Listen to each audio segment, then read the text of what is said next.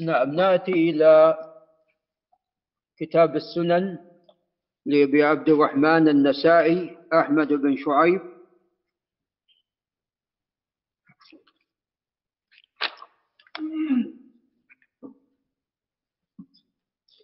قال باب ذكر الدعاء. قال أخبرنا محمد بن عبد الأعلى وهو السامي البصري. قال حدثنا المعتمر هو بن سليمان. قال سمعت عبيد الله أي بن عمر. قال عن ثابت أي بن أسلم البناني. قال عن أنس أي بن مالك. قال كان النبي صلى الله عليه وسلم يخطب يوم الجمعة. فقام إليه الناس فصاحوا فقالوا يا نبي الله قحط المطر. وهلكت البهائم. فادعوا الله أن يسقينا. قال اللهم أسقنا اللهم أسقنا. قال وأيم الله ما نرى في السماء قزعة. يعني قطعه من السحاب. قزعة من سحاب. قال فأنشأت سحابة فانتشرت.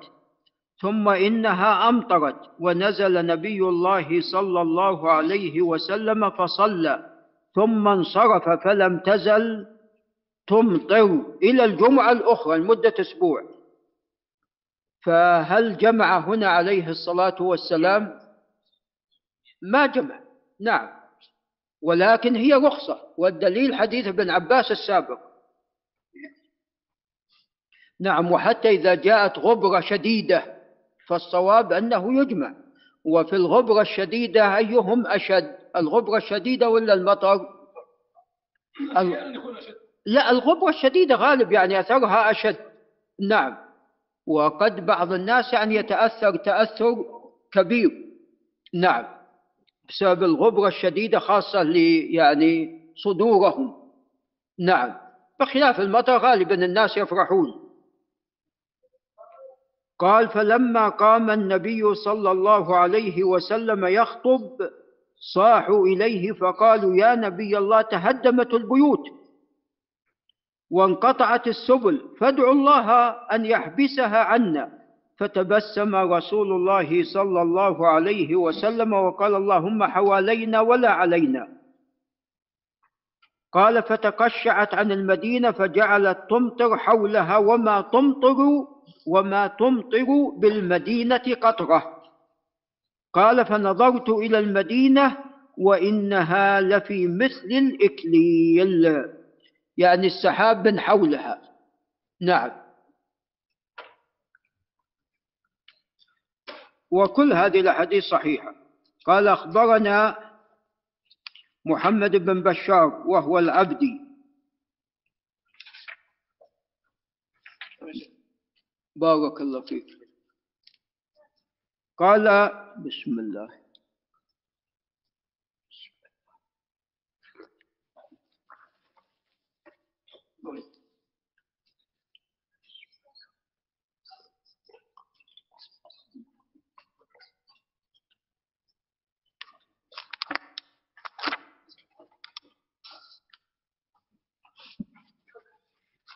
تعال عبد العزيز. اخذ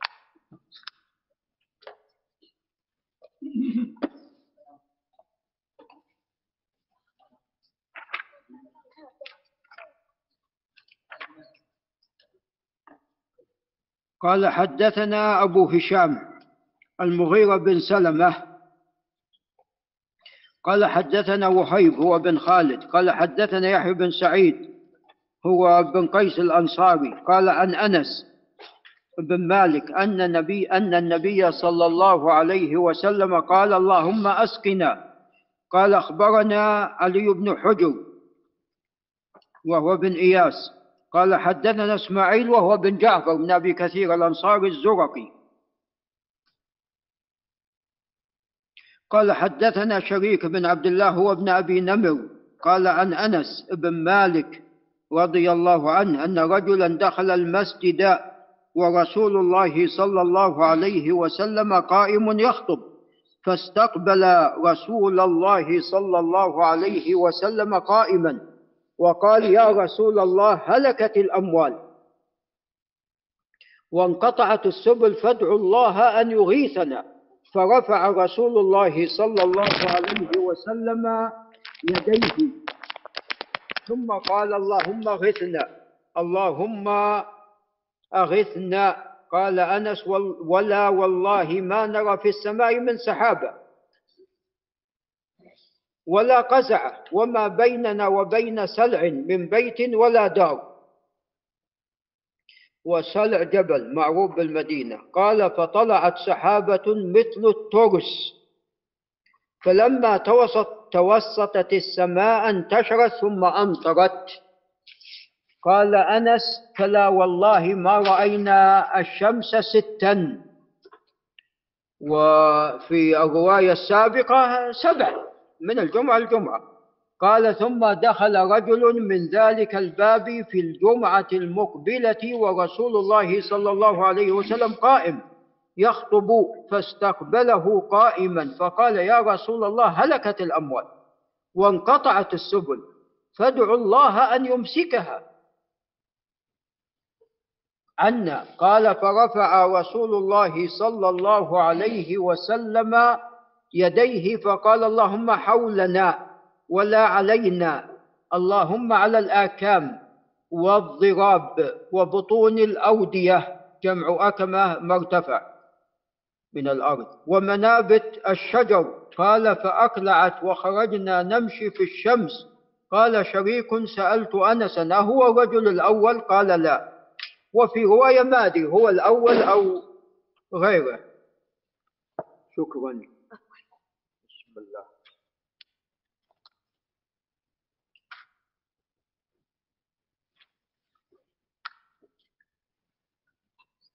قال باب الصلاة بعد الدعاء. قال أخبرنا الحارث بن مسكين قراءة عليه وأنا أسمع. قال عن ابن وهب. وهو عبد الله. أعطني القلم أبو محمد. قال عن وهب وهو عبد الله عن ابن أبي ذئب. بارك الله فيك. قال حدثنا يحيى. نعم. قال عن ابن أبي ذئب وهو محمد بن عبد الرحمن العامري ويونس هو بن يزيد الأيلي.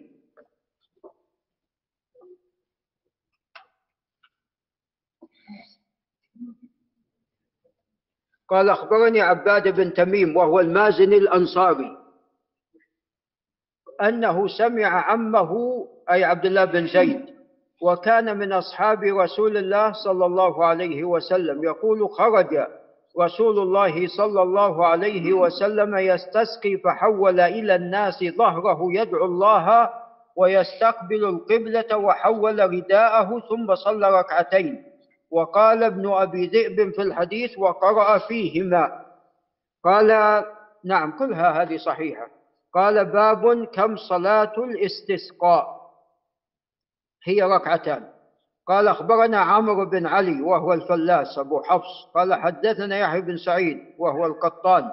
قال حدثنا يحيى بن سعيد وهو بن قيس الأنصاري.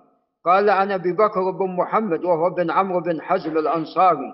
قال عن عباد بن تميم هو الأنصاري. قال عن عبد الله بن زيد هو الأنصاري.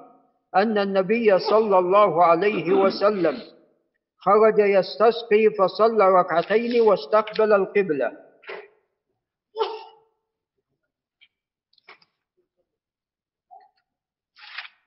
قال باب كيف صلاة الاستسقاء. قال أخبرنا محمود بن غيلان العدوي قال حدثنا وكيع هو ابن الجراح قال حدثنا سفيان هو الثوري قال عن هشام بن إسحاق بن عبد الله بن, بن كنانة المدني قال عن أبيه قال أرسلني أمير من الأمراء إلى ابن عباس أسأله عن الاستسقاء فقال ابن عباس ما منعه أن يسألني؟ خرج رسول الله صلى الله عليه وسلم متبذلا متخشعا متضرعا فصلى ركعتين كما يصلي العيد ولم يخطب خطبتكم هذه. وإنما يعني في الغالب كان في دعاء وتضرع. قال باب الجهر بالقراءة في صلاة الاستسقاء. قال أخبرنا محمد بن رافع وهو النيسابوري. قال حدثنا يحيى بن آدم وهو الكوفي. قال حدثنا سفيان هو الكوفي. قال عن ابن أبي ذئب هو العامري. قال عن الزهري هو محمد بن شهاب. قال عن عباد بن تميم الأنصاري. قال عن عمه عبد الله بن زيد أن النبي صلى الله عليه وسلم خرج فاستسقى بالناس وصلى ركعتين وجهر فيهما بالقراءة. قال باب القول عند المطر. قال أخبرنا محمد بن منصور. وهو الجواز المكي. قال حدثنا سفيان وهو المكي أي بن عيينة. قال عن مسعر هو بن كدام بن ظهير الهلال الكوفي. قال عن المقدام بن شريح بن هانئ. قال عن أبيه شريح بن هانئ الحارثي. قال عن عائشة رضي الله عنها وعن أبيها أن الرسول عليه الصلاة والسلام كان إذا مطروا قال اللهم اجعله سيبا نافعا وفي نسخة صيبا نافعا. قال أخبرنا إبراهيم. نعم. قال أخبرنا إبراهيم بن محمد التيمي قاضي البصرة. قال حدثنا يحيى هو القطان. قال عن سفيان هو الثوري. قال عن المقدام بن شريح قال عن أبيه شريح بن هانئ قال عن عائشة رضي الله عنها وعن أبيها قالت كان رسول الله صلى الله عليه وسلم إذا رأى ناشئا في أفق من آفاق السماء ترك عمله وإن كان في صلاة فإن كشفه الله حمد الله يعني يخشى أنه عذاب وإن أمطرت قال اللهم سيبا نافعا. قال أخبرنا قتيبة بن سعيد هو الثقفي قال حدثنا يزيد وهو ابن المقدام بن شريح. قال عن أبيه شريح بن هانئ. قال عن أبيه المقدام بن شريح بن هانئ. قال عن أبيه شريح بن هانئ. أن عائشة رضي الله عنها وعن أبيها أخبرته أن الرسول عليه الصلاة والسلام كان إذا رأى سحابا مقبلا من أفق من الآفاق ترك ما هو فيه وإن كان في الصلاة. حتى يستقبله. فيقول اللهم إنا نعوذ بك من شر ما أرسل به فإن أمطر قال اللهم سيبا نافعا. وإن كشفه الله ولم يمطر حمد الله على ذلك. قال أخبرنا عبد الوهاب بن الحكم الوراق قال حدثنا معاذ بن معاذ. وهو البصري. قال عن ابن جريج وهو المكي قال عن عطاء بن أبي رباح المكي. قال عن عائشة رضي الله عنها قالت كان رسول الله صلى الله عليه وسلم إذا رأى مخيلة تعني الغيمة تلون وجهه وتغير ودخل وخرج وأقبل وأدبر فإذا مطر سري عنه قالت عائشة فذكرت له بعض ما رأيت منه قال وما يدريك لعله كما قال قوم عاد. فلما رأوه عارضا مستقبل أوديتهم قالوا هذا عارض ممطرنا بل هو ما استعجلتم به ريح فيها عذاب أليم. وهذا إسناد صحيح وقد خرجه الشيخان. قال أخبرنا نوح بن حبيب قال حدثنا عبد الرزاق بن حمام قال أخبرنا معمر بن راشد قال عن ابن طاووس وهو عبد الله قال عن أبيه طاووس بن كيسان قال عن عائشة رضي الله عنها وعن أبيها أن الرسول صلى الله عليه وسلم كان إذا رأى مخيلة تغير وجهه ودخل وخرج وأقبل وأدبر فإذا أمطرت سري عنه فذكرت ذلك له فقال ما آمن ما آمنه أن يكون كما قال الله فلما رأوه عارضا مستقبل أوديتهم قالوا هذا عارض ممطرنا إلى ريح فيها عذاب أليم.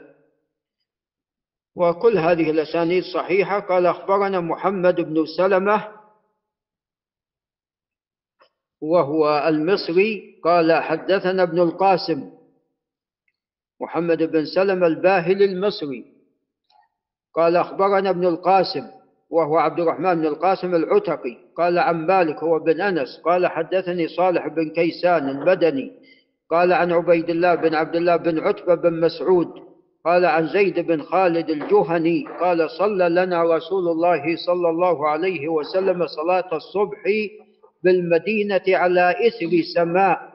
كانت من الليل فلما انصرف أقبل على الناس فقال هل تدرون ماذا قال ربكم؟ قالوا الله ورسوله أعلم. وهذا فيه أن الله عز وجل يتكلم متى شاء جل وعلا.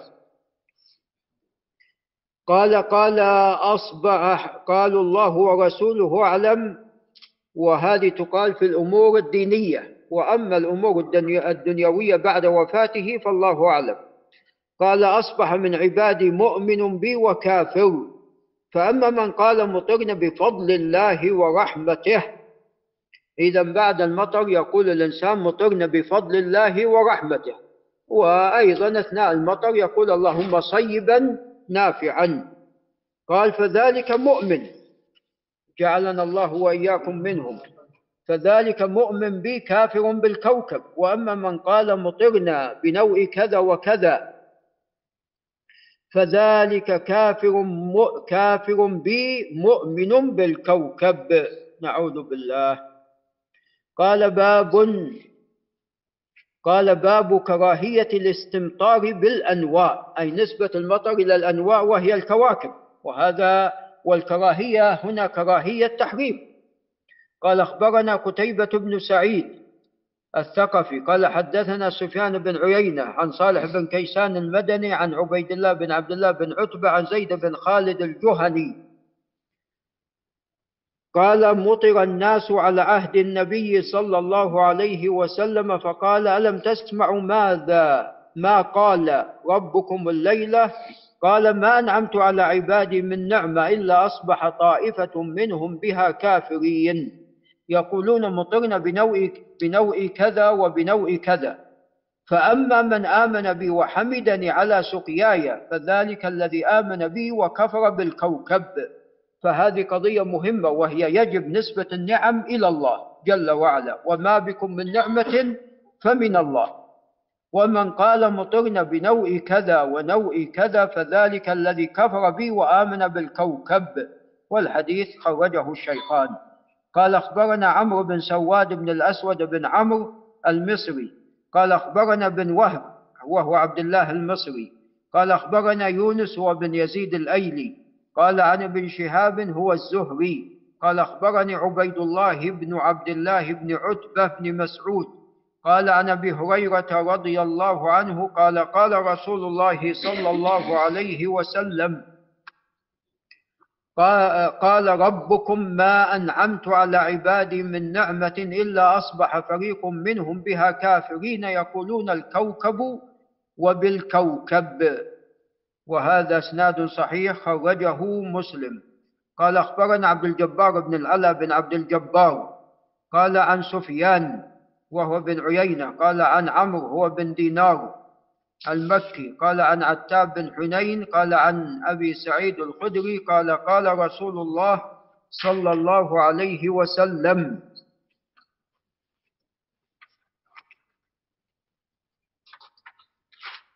لو أمسك الله تبارك وتعالى القطر عن عباده خمس سنين ثم أرسله لأصبحت طائفة من الناس كافرين يقولون سقينا بنوء المجدح. نعم.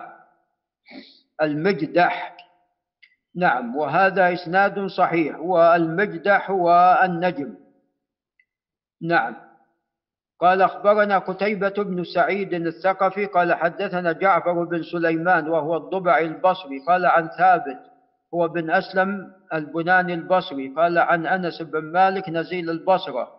قال أصابنا مطر فخرج رسول الله صلى الله عليه وسلم فحسر حتى أصابه المطر. فقيل له لم صنعت هذا؟ فقال إنه حديث عهد بربه. وهذا إسناد حسن وقد خرجه مسلم في صحيحه.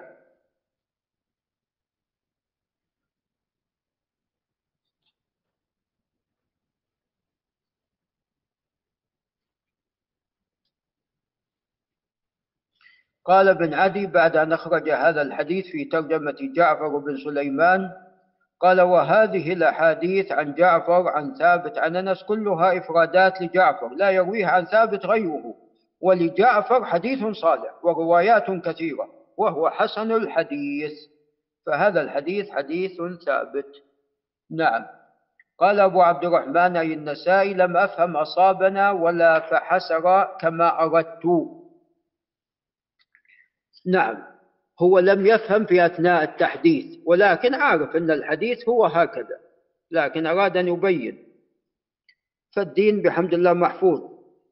قال باب هل يسأل الإمام رفع المطر إذا خاف ضرره؟ نعم يسأل. قال أخبرنا علي بن حجر قال حد السعدي قال حدثنا إسماعيل هو ابن جعفر بن أبي كثير الأنصاري الزرقي. قال حدثنا حميد بن أبي حميد الطويل قال عن أنس قال قحط المطر عاما فقام بعض المسلمين إلى النبي صلى الله عليه وسلم في يوم جمعة فقالوا يا رسول الله فقال يا رسول الله قحط المطر وأجدبت الأرض وهلك المال. قال فرفع يديه وما نرى في السماء سحابة فمد يديه حتى رأيت بياض ابطيه. يستسقي الله. قال فما صلينا الجمعة حتى أهم الشاب القريب الدار الرجوع إلى أهله. قال فدامت جمعة المطر. فلما كانت الجمعة التي تليها قالوا يا رسول الله تهدمت البيوت واحتبس الركبان. فتبسم رسول الله صلى الله عليه وسلم لسرعة ملالة ابن آدم وقال بيده اللهم حوالينا ولا علينا. فتكشطت عن المدينة. وهذا إسناد صحيح والحديث في الصحيحين. قال أخبرني محمود بن خالد. قال حدثنا الوليد محمود بن خالد الحمصي السلمي الحمصي الدمشقي. نعم محمود بن خالد الدمشقي عفوا الدمشقي. قال حدثنا الوليد بن مسلم الدمشقي. قال حدثنا أبو عمرو يعني الأوزاعي البيروتي. قال عن إسحاق بن عبد الله بن أبي طلحة الأنصاري المدني. قال عن أنس بن مالك نزيل البصرة. قال أصاب الناس سن سنة على عهد رسول الله صلى الله عليه وسلم. فبين رسول الله صلى الله عليه وسلم يخطب على المنبر يوم الجمعة فقام أعرابي. فقال يا رسول الله هلك المال وجاع العيال. فادعوا الله لنا. فرفع رسول الله صلى الله عليه وسلم يديه. وما نرى في السماء قزعة. والذي نفسي بيده ما وضعهما حتى ثار سحاب أمثال الجبال. عليه الصلاة والسلام. ثم لم ينزل عن منبره حتى رأيت المطر يتحادر على لحيته. فمطرنا يومنا ذلك ومن الغد والذي يليه حتى الجمعة الأخرى فقام ذلك الأعرابي وكان أنس شاك يعني قال هو أو غيره أو قال غيره. فقال يا رسول الله تهدم البناء وغرق المال. فادعوا الله فادعوا الله لنا. فرفع رسول الله صلى الله عليه وسلم. فقال اللهم حوالينا ولا علينا فما يشير بيده إلى ناحية من السحاب إلا انفرجت حتى صارت المدينة مثل, مثل الجوة. قال مجتمع الماء. وسال الوادي ولم يجئ أحد من ناحية إلا حدث يعني بالجود. نعم. قال آخر كتاب الاستسقاء ونقف عند هنا وبالله تعالى التوفيق.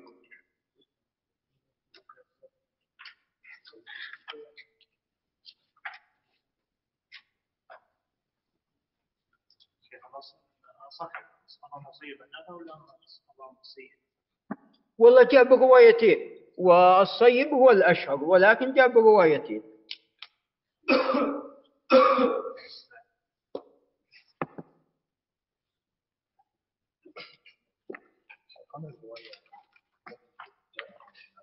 نعم. كان يصلي كان يصلي فصلى ركعتين كما يصلي هل يفهم من هذا شيء كانت قبل بعد لا الخطبة بارك الله فيك في الاستسقاء قبل. يعني كما يصلي العيد في الركعات بعد الركعات؟ إيه في الركعات. نعم في الركعات والتكبير. في الركعات والتكبير والقراءة. نعم.